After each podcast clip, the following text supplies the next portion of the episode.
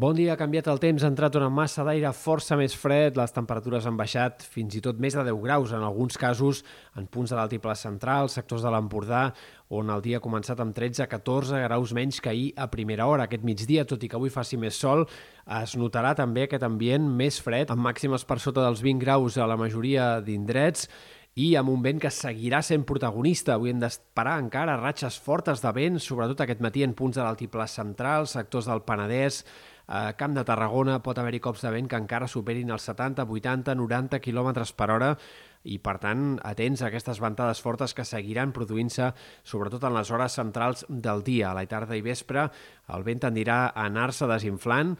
però, en canvi, aquest cap de setmana encara revifarà. Aquest dissabte a la tarda una mica més de garbí. Això farà que es deixi sentir especialment en comarques de Girona, sectors alts del Pirineu, on tornarà a haver-hi a última hora d'aquest dissabte algunes ratxes puntualment fortes i de cara a diumenge girarà un altre cop més a ponent i tornarà a deixar-se sentir sobretot al matí en molts indrets amb cops de 50, 60 fins a 70 km per hora. Per tant, ventades que no deixaran de ser protagonistes aquest cap de setmana, encara que vagin canviant de sector. Pel que fa a l'estat del cel, avui esperem moltes més clarianes, com dèiem, que no pas ahir, algunes nevades encara al vessant nord del Pirineu, ruixats puntuals aquesta tarda en comarques del Ter Sud, eh, bàsicament sectors del prelitoral de Tarragona, a punts de les Terres de l'Ebre, s'hi poden escapar alguns ruixats curts però que eh, caiguin amb certa intensitat. De cara a demà, el pas d'un altre sistema frontal farà augmentar els núvols, tindrem un cel més tapat en general, sobretot a la meitat oest de Catalunya, on arribarà a plovisquejar en diferents moments del dia, precipitacions minces que només tornaran a ser significatives i eh, mínimament abundants en punts